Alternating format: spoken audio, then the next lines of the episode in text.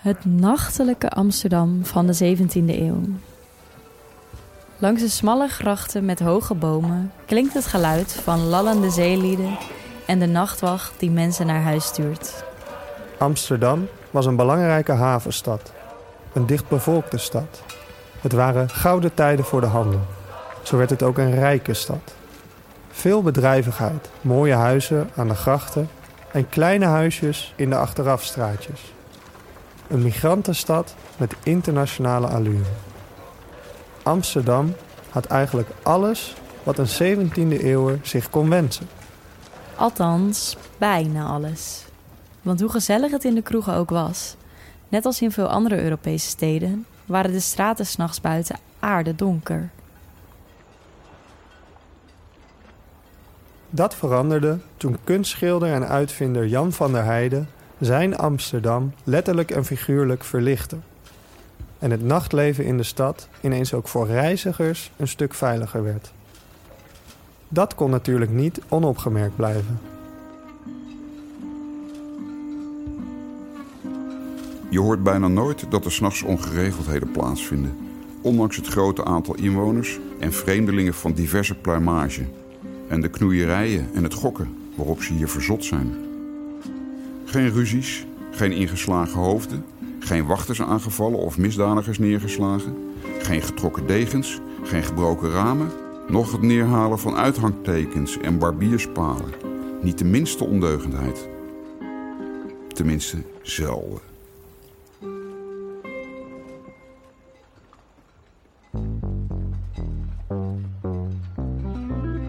Deze podcast gaat over Jan van der Heijden.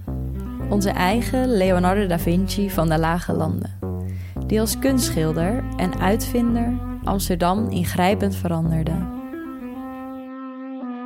Dan krijg je de opkomst van het zogenaamde speelhuis. Stel het zich voor als een soort dancing met mooie vrouwen. Er is een bandje, er, is, er wordt gespeeld. En eigenlijk doen we nu nog steeds hetzelfde als wat Jan van der Heijden deed. Als er brand is, dan sturen we een auto, er zit een stelletje kerels in. Het ding moet zo snel mogelijk zijn. En er moet ook water in zitten. En dan komen ze, komen ze bij een brand en dan gooien ze water op het vuur en dan gaat het vuur uit. Je ziet toch dat in zo'n grote stad, die ook ontzettend internationaal is, dat die netwerken en die familieverbanden eigenlijk voor al die groepen een, een rol spelen in het verankeren van hun positie in die stad. In drie afleveringen onderzoeken wij, Melanie Seuren, en Sil Biesbroek, hoe Van der Heijden in het 17e eeuwse Amsterdam kon uitgroeien tot een kunstschilder en uitvinder met internationaal succes.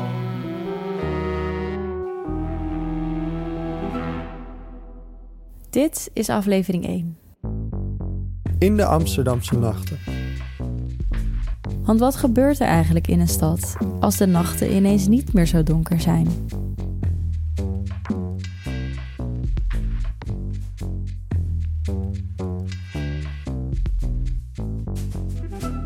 Jan van der Heijden zijn uitvindingen nooit zo mooi had geïllustreerd, hè, dat geldt voor de straatverlichting en de brandspuiten, dan hadden we nu geen tentoonstelling over Jan van der Heijden, denk ik. Nee, alleen een heel saai dik boek. Je hoort Erik Schmid Jan zei net al, het moet een enorme verandering geweest zijn. en Jan de Klerk. Ik denk even aan eh, het pand in de Koestraat, waar Jan van der Heijden later in eh, de jaren 80 ga- gaat wonen, 1681. Samenstellers van de tentoonstelling over het leven en de uitvindingen van Jan van der Heijden in het Stadsarchief Amsterdam.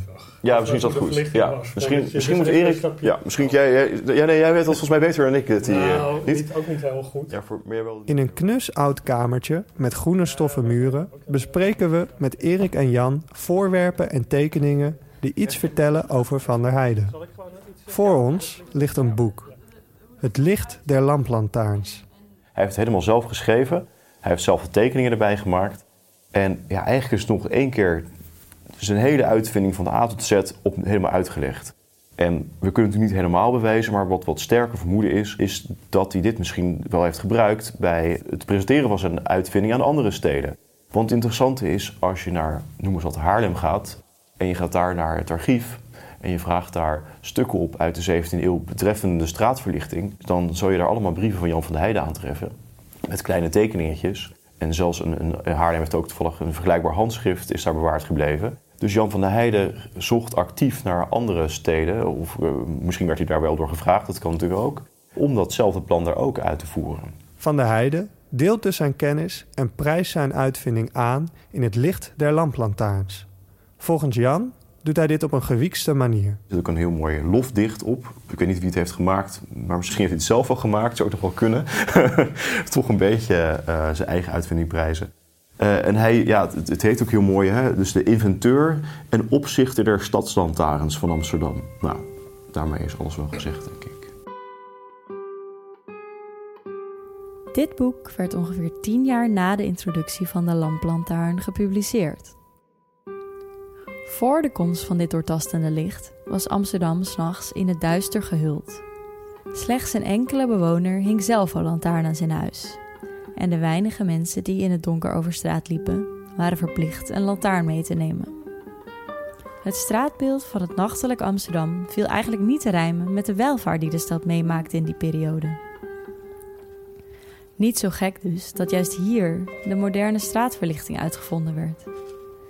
Je hoort Erik, samensteller van de tentoonstelling. Amsterdam vond zichzelf ook een moderne stad. Het was een hele rijke stad. Als je even vergelijkt met andere Europese steden. Een hele belangrijke ja, wereldhandelstad. Een hele grote haven met heel veel goederen uit de rest van de wereld. En dit is een van die aspecten waar de Amsterdammers zich eigenlijk voor zouden moeten schamen. En ik denk dat het stadsbestuur, wat ook wel eens, of de leden van het stadsbestuur die ook wel eens buiten Amsterdam en buiten toenmalige Nederland kwamen, dat die ook wel plekken zagen dat het anders kon. Het was Van der Heijden zelf die de nacht er in Amsterdam anders uit liet zien. Dit blijkt ook uit rooskleurige getuigenissen van reizigers die na de introductie van de lamplantaarns de stad bezochten. Het is verbazingswekkend dat er in zo'n grote stad als deze in de nachtelijke uren nauwelijks sprake is van diefstal, roof, inbraak, moord en andere straatschenderij. Maar dat het zo veilig is dat je niet als overdag overal naartoe kunt gaan. Zelf ben ik, als het donker was, geregeld twee of drie uur in mijn mantel gaan wandelen, omdat je, ook als de maan niet schijnt, van de ene lantaarn tot de volgende lantaarn kunt kijken.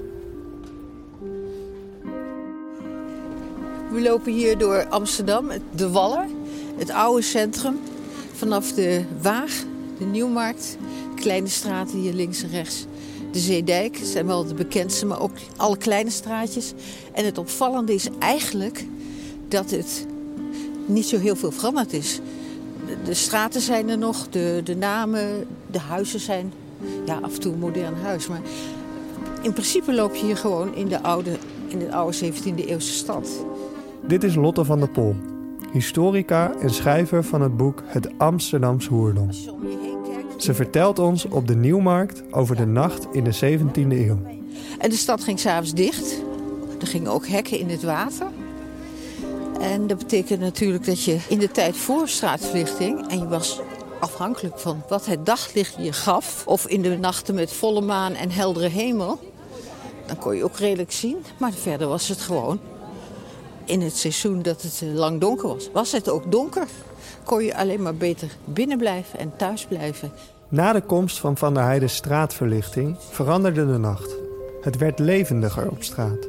Die straatverlichting maakt ja, de amusementsector hier bereikbaar. En dat trok mensen aan. En dan, dan, krijg je de opkomst van het zogenaamde speelhuis. Stel het zich voor als een soort dancing. Ja, er zijn mooie vrouwen, er is een bandje, er, is, wordt gespeeld. Uh, viool, bas. Als je daar binnenkomt, ja, die vrouwen die daar zijn, waar je mee kan dansen, dat zijn ook prostituees.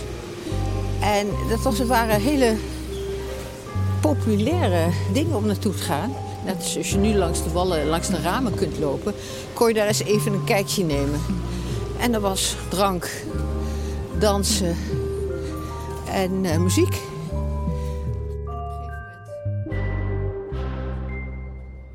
Goed, aan de Amsterdamse binnenstad is dus niet zoveel veranderd. Maar behalve in de eerste en tweede Jan van der Heijdenstraat in de Pijp vind je over Van der Heijden zelf niet zoveel terug in de stad. Tenzij je goed oplet. Als je een keer over de magere brug fietst bijvoorbeeld. Die witte paal daar. Oh ja, oh ja. Twee aan weerszijden. En aan de overkant van de brug ook. Dan zie ik er één vanuit deze hoek. Ja. Dus vier in totaal. Ja, het is natuurlijk wel een bekende plek, maar je kijkt er niet zo naar als je hier gewoon langs fietst of zo. Nee. Dan let je er niet op. Best wel breed ook. Ja. En heel functioneel ziet hij eruit, vind je ook niet?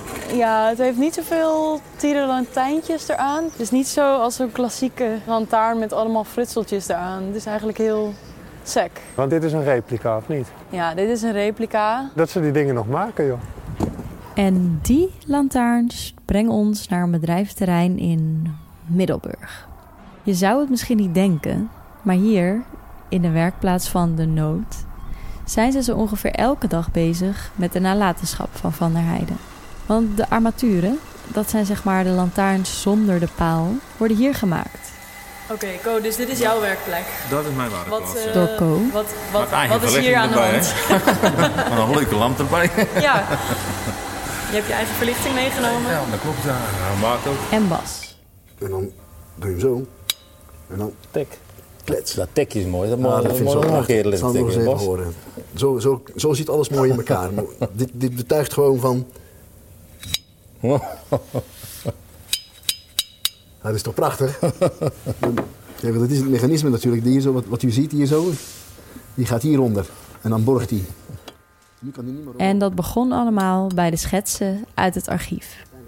Ja, die hebben we eigenlijk helemaal nagemaakt van de oude schetsen die er nog waren in het archief in Amsterdam. En daarvan hebben we eigenlijk heel die lampen nagemaakt.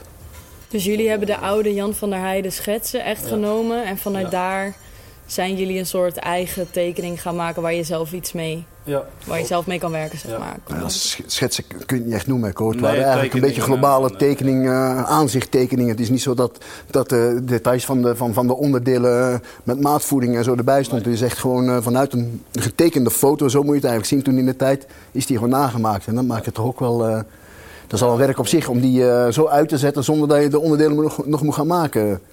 En zo, zo in die oude beschrijving van Jan van der Heijden stond het ook met die problemen waar die tegenaan liep, dat die, die olielampen leeg liepen en dat die, die lampen in brand vlogen en zo. En als je dan dat ding aan, aan het maken bent, dan loop je ook een beetje tegen die eh, dingen aan. En dan weet je waar je rekening mee moet, moet houden. Zeg maar. Dus dan weet je zeg maar van wat toen problemen Ja, waren, ja. daar moet ik nu Ja. omheen werken. Ja. Of, eh, Nou, dan sluit je het nog niet uit. Dat, eh, dat, dat breek je af en toe even je hoofd over van, eh, goh, hoe krijg ik het voor elkaar? eh. en daar gaat best wel wat tijd in zitten. Daar gaan we de tijd in zitten, ja. hoeveel tijd? Had, goh, we hebben geschat zo'n één zo'n lantaarn, misschien wel 150 uur of zo. Ja. Ja, dat is zonder, zonder, de, zonder het uitzetten van de lamp waar we net over hadden. Dat is puur zoals wij hem nu zouden moeten maken. Dus dan zijn alle onderdelen zijn nu wel op tekening gezet natuurlijk. En daar zijn de mallen al gemaakt. Dus het, echt, het uitdokteren van de, van de armatuur die zit daar niet bij. Dus echt puur de arbeid zoals je hem nu zou moeten maken. Eh, dan kan je rustig 150 uur rekenen zoals je hem nu zou moeten maken. Maar, en, en die, eh, ik wil nog weten van Jan van der Heijden, ehm, zeg maar die beschrijvingen die hij heeft meegegeven, zijn die extreem nuttig vergeleken met andere die je van misschien een andere periode hebt, wat er van is overgebleven? Of is daar nog iets bijzonders aan? Nou ja, Van der Heijden die was wel meer gedetailleerd. Want meestal, meestal je dan eh, tekeningen of schetsen krijgt van, van andere modellen. Dat zijn dan eigenlijk alleen maar de contouren, de, de buitenkanten. Maar hij heeft ook eh, allerlei profielen en doorsneden en eh, daar kon je echt goed van werken. Ja. Dat wel, dus dan weet je, weet je precies hoe het in elkaar zit. Ook al is het eigenlijk de oudste. Ja, ja. Dat, dat is een, eh, een bijzonder man, die eh, Van der Heijden. Dat kan niet anders. Een kundig man. Nee, het, is, het is wel mooi als je dan eigenlijk een replica kan maken of mag maken. Een van de, de oudste straatverlichtingen van, eh, van die Nederlander. Dat is het gewoon. En denk je dat Jan van der Heijden het zo ook zo nauwkeurig deed? Nou, dat betwijfelen wij wel eens. Maar wij, dat, dat, dat, dat, is heel moeilijk. eh. ik denk dat het nog allemaal een beetje, een beetje golvend was en eh, dat het toch niet allemaal zo snaar strak was eh, dan, dat, eh, dan dat wij dat doen. En dan hangt het ook misschien een beetje van de machines af toen in de tijd. Ik weet niet hoe zuiver die waren. Dus zouden we eigenlijk gewoon eens even een paar honderd jaar terug in de tijd moeten kunnen gaan en eens even kunnen kijken. Professor Barbas, met een teletijdmachine. Hoe dat gaat, dat ze er zo strak uitziet. Maar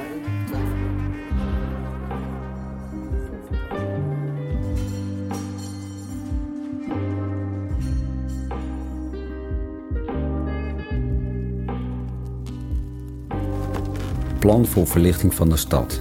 Concept. Ingediend in 1668. Het is nodig om de hele stad van lichten te voorzien. Ten eerste, om te voorkomen dat veel mensen s'nachts bij duisternis in het water vallen en verdrinken. Ten tweede, om de nachtwacht zonder licht in de hand zijn ronde te laten doen. Ten derde, om de burgerwacht en alle andere burgers zonder lantaarn in de hand de straat over te kunnen laten gaan. Ten vierde, om inbraken te ontdekken en tegen te gaan. Ten vijfde, om bij brand voldoende licht bij de hand te hebben. En een heel goed voorbeeld daarvan is, is, de, is de stadsverlichting. Ja, het is heel aantrekkelijk om natuurlijk te denken dat Jan van der Heijden dit plan heeft ingediend in eh, 1668.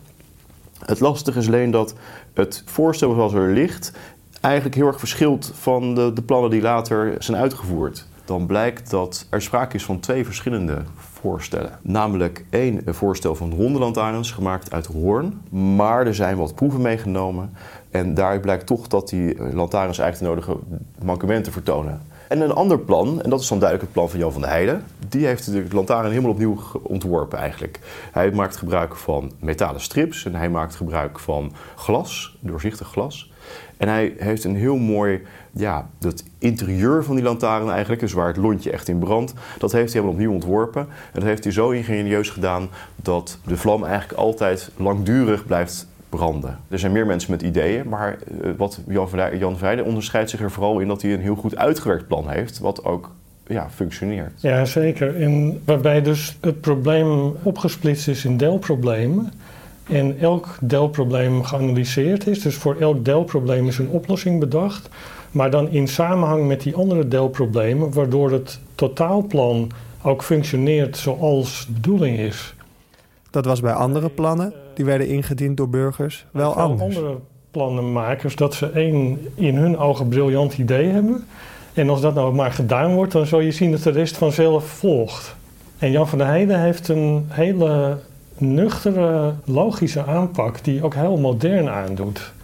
Dus ook wars van retoriek en mooie, mooie vergelijkingen of mooie zinsneden. Dus het is heel ja, droog, soms wordt het opgeschreven. Maar daardoor ja, is het ook een ordening van argumenten. En het is dus niet alleen de, een plan met straatlantaarns, maar ook een hele organisatie die daarbij hoort. Dus met aantallen lampvullers, een nieuwe wijkindeling van de stad, de lantaarnopstekers. Je had mensen die waren verantwoordelijk voor het onderhoud van de lantaarn. En je had mensen die de lantaarn vulden, dus voorzagen van olie. En je had mensen die iedere dag de lantaarn aan moesten steken. Of op het moment dat de lantaarn moest worden aangestoken. De lantaarn brandde alleen op bepaalde momenten. Er werd rekening gehouden met zomer en de winter. En zelfs met de maan, eh, het stand van de maan. Nadat het plan werd goedgekeurd door het stadsbestuur, moest er natuurlijk nog iemand gevonden worden die leiding kon geven aan deze operatie. En wie anders kon nou het beste de opzichter der lamplantaarns worden dan Jan van der Heijden zelf? En de restricties die hij voor zijn ondergeschikte had opgesteld waren nogal Ja, eh, ze moesten bijvoorbeeld stofvrij worden gehouden, de lantaarns.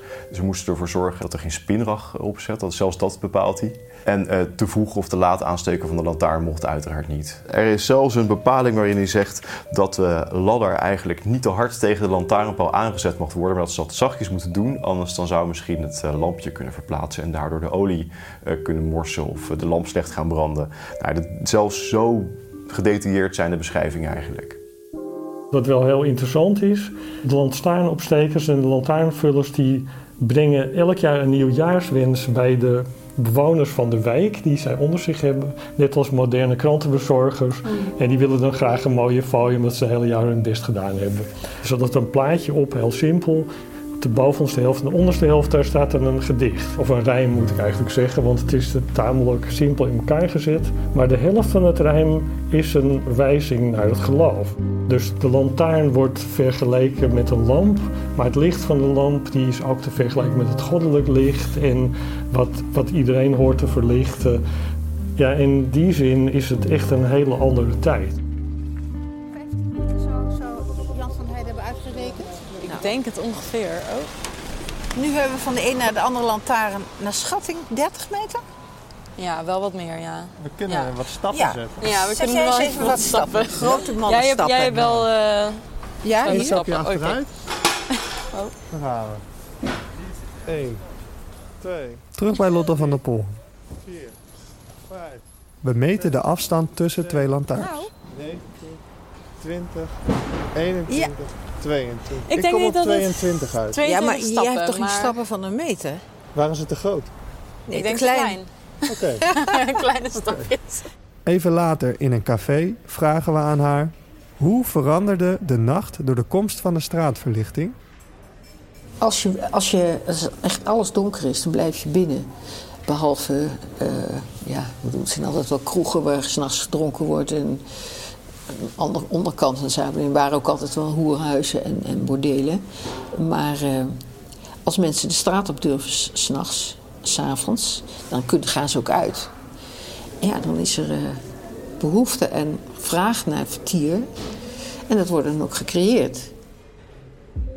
De komst van de Van der Heijden-lantaarn creëerde dus de mogelijkheid om s'nachts de deur uit te gaan, waardoor het nachtleven opbloeide. Rijke inwoners van de stad en welgestelde reizigers durfden hierdoor ook de straat op in de avond. Ze bezochten in grote getalen speelhuizen op de Wallen. Die, dat boek heeft mede, Buiten bij ons afscheid stelt Melanie nog één vraag. dat gecreëerd. En kan ik het goed begrijpen dat het allemaal een soort wisselwerking is bij elkaar? Dus de straatverlichting behoorde eigenlijk tot een van de factoren die de Ja. aantrekking Ja. van Amsterdam Nou, die, die überhaupt mogelijk was dat, eh, groot maakte. dat wat rijkere toeristen en wat eh, eh, meer aan de bovenkant, niet alleen maar het onderste zee, zeemansvolk, dat is zich s'avonds op straat waagde in een buurt als dit. Ja, het is een schakel in een. eh, maar ik denk het is een, een essentiële schakel. In het donker was het echt niet gelukt. Volgens Lotte van der Pol was de komst van de straatlantaarn dus een essentiële schakel die het bruisende nachtleven in Amsterdam mogelijk maakte. En de Amsterdammers. Wat vonden zij ervan dat hun binnenstad, mede door de straatverlichting, ineens nog meer opleefde? Terug naar het archief. Dat soort Er zijn eigenlijk heel weinig verslagen van uit de tijd zelf. Ja, je krijgt bijna het gevoel dat de Amsterdammers het wel bijna vanzelfsprekend vonden dat ze zo'n luxe straatverlichting hadden. Terwijl op heel veel plekken in Europa was helemaal geen goede straatverlichting. Blijkbaar was het een doorslaand succes. En was het een vanzelfsprekend iets in de stad geworden. Dus, dus iets wat dan lijkt alsof het er altijd al geweest is, zou ik maar zeggen. Maar het was dus ook Maar zo vanzelfsprekend was het voor Van der Heijden niet. Hij schreef een tot in de puntjes uitgewerkt plan om zijn lamplantaarns aan de man te brengen. Dat gaf hem de mogelijkheid om te spelen met het door God gegeven ritme van dag en nacht. Dus je, je beïnvloedt de natuurlijke processen door eigenlijk wordt het donker, stik donker te zijn in de nacht. En je laat zien dat je daar macht over hebt. Ja, het is een soort overwicht op de plek waar je woont. Je kan het ook zien als vorm van moderniteit. Het is een stap verder in een soort civilisatieproces waarbij je, je steeds meer grip krijgt op de op natuurlijke omstandigheden. Hoewel, wij kunnen het nu zo formuleren. Ik weet niet of ze het zo per se zo zagen.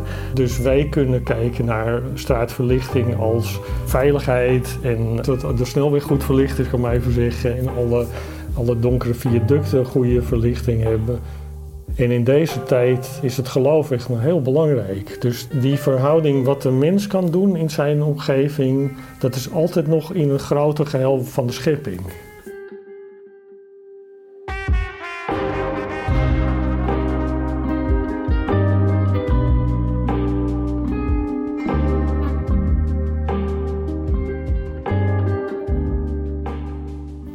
In de volgende aflevering